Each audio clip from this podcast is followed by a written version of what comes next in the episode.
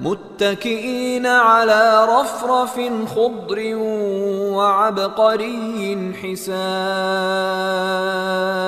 فبأي آلاء ربكما تكذبان؟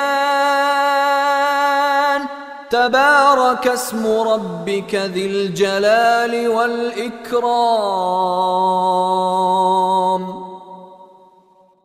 متكئين.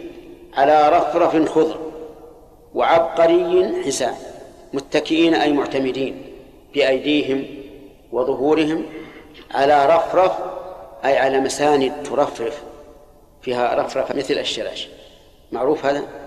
الشلاش يكون في المساند يكون في الأسرة هكذا يرفرف. آه، متكئين على رفرف خضر لأن اللون الأخضر أنسب ما يكون للنظر. وأشد ما يكون بهجة للقلب. وعبقري حسان العبقري هو الفرش الجيدة جدا. ولهذا يسمى الجيد من كل شيء عبقري.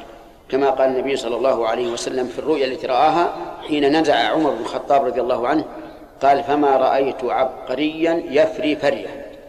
أي ينزع نزعه من قوته رضي الله عنه. وعبقري حسان فبأي آلاء ربكما تكذبان؟ ومعنى فبأي آلاء ربكما تكذبان؟ التقرير يعني أن النعم واضحة فبأي شيء تكذبون؟ الجواب لا نكذب بشيء نعترف بآلاء الله أي بنعمه ونقر بها ونعترف أننا مقصرون لم نشكر الله تعالى حق شكره ولكننا نؤمن بأن عفو الله أوسع من ذنوبنا وأن الله تبارك وتعالى عفو كريم يحب توبة عبده ويحب التوابين ويحب المتطهرين حتى قال النبي صلى الله عليه وعلى آله وسلم لله أشد فرحا بتوبة عبده من أحدكم. وذكر الرجل في فلاة أظل راحلته ضيعها وعليها طعامه وشرابه فطلبها ولم يجدها وهو في فلاة من الأرض ما ليس حوله أحد فأيس منها فاضطجع في ظل الشجرة. ينتظر ماذا ينتظر؟ ينتظر الموت أيس من الحياة مرة. فإذا بخطام ناقته متعلقا بالشجرة. فأخذه وقال اللهم أنت عبدي وأنا ربك. ماذا يريد؟ يريد أنت ربي وأنا عبدك لكن من شدة الفرح أخطأ. قال اللهم أنت عبدي وأنا ربك. فالله تعالى أشد فرحا بتوبة عبده من هذا الرجل بناقته. اللهم تب علينا يا رب العالمين.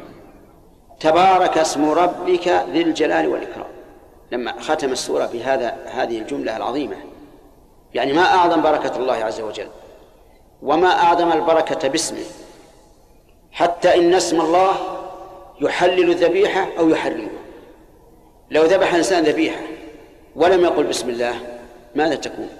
تكون ميتة حرام نجسة مضرة على البدن. حتى لو نسي ذبح ونسي أن يقول بسم الله فهي حرام. نجسة تفسد البدن فيجب أن يسحبها للكلاب لأنها نجسة. قال الله تعالى ولا تأكلوا مما لم يذكر اسم الله عليه وإنه لفسق. فانظر البركة. الإنسان إذا إذا توضأ ولم يسمي فوضوءه عند عند بعض العلماء وضوء فاسد لازم يعيد لأن البسملة واجبة عند بعض أهل العلم. الصيد يرى الإنسان الصيد الزاحف والطائر فيرميه ولم يسمى ماذا يكون هذا الصيد؟ يكون حراما ميتا نجسا مضرا على البدن. فانظر إلى البركة. الإنسان إذا أتى أهله يعني جامع زوجته وقال بسم الله اللهم جنبنا الشيطان وجنب الشيطان ما رزقتنا. كان هذا حماية لهذا الولد الذي ينشأ من هذا الجماع حماية له من الشيطان. قال النبي صلى الله عليه وسلم لو أن أحدكم إذا أتى أهله قال بسم الله اللهم جنبنا الشيطان وجنب الشيطان ما رزقتنا فإنه إن يقدر بينهما ولد لم يضره الشيطان أبدا. الإنسان يسعى يمينا وشمالا لحماية ولده ويخسر الدراهم الكثيرة. وهنا هذا الدواء من الرسول عليه الصلاة والسلام. غالي ولا رخيص؟ نعم. رخيص من حيث العمل. سهل. هذا يحميه من الشيطان أبدا. كل هذا دليل على إيش؟ على بركة اسم الله عز وجل. ولهذا قال تبارك اسم ربك ذي الجلال والإكرام أي ذي العظمة والإكرام. هل الإكرام يعني هو يكرم ولا هو يكرم؟ كلها. فهو يكرم ويحترم ويعظم عز وجل وهو أيضا يكرم. قال الله تعالى في أصحاب الجنة اللهم اجعلنا منهم. قال أولئك في جنات مكرمون. فهو ذو الجلال والإكرام يكرم من يستحق الإكرام وهو يكرمه عز وجل. عباده الصالحون. جعلنا الله وإياكم منهم بمنه وكرمه.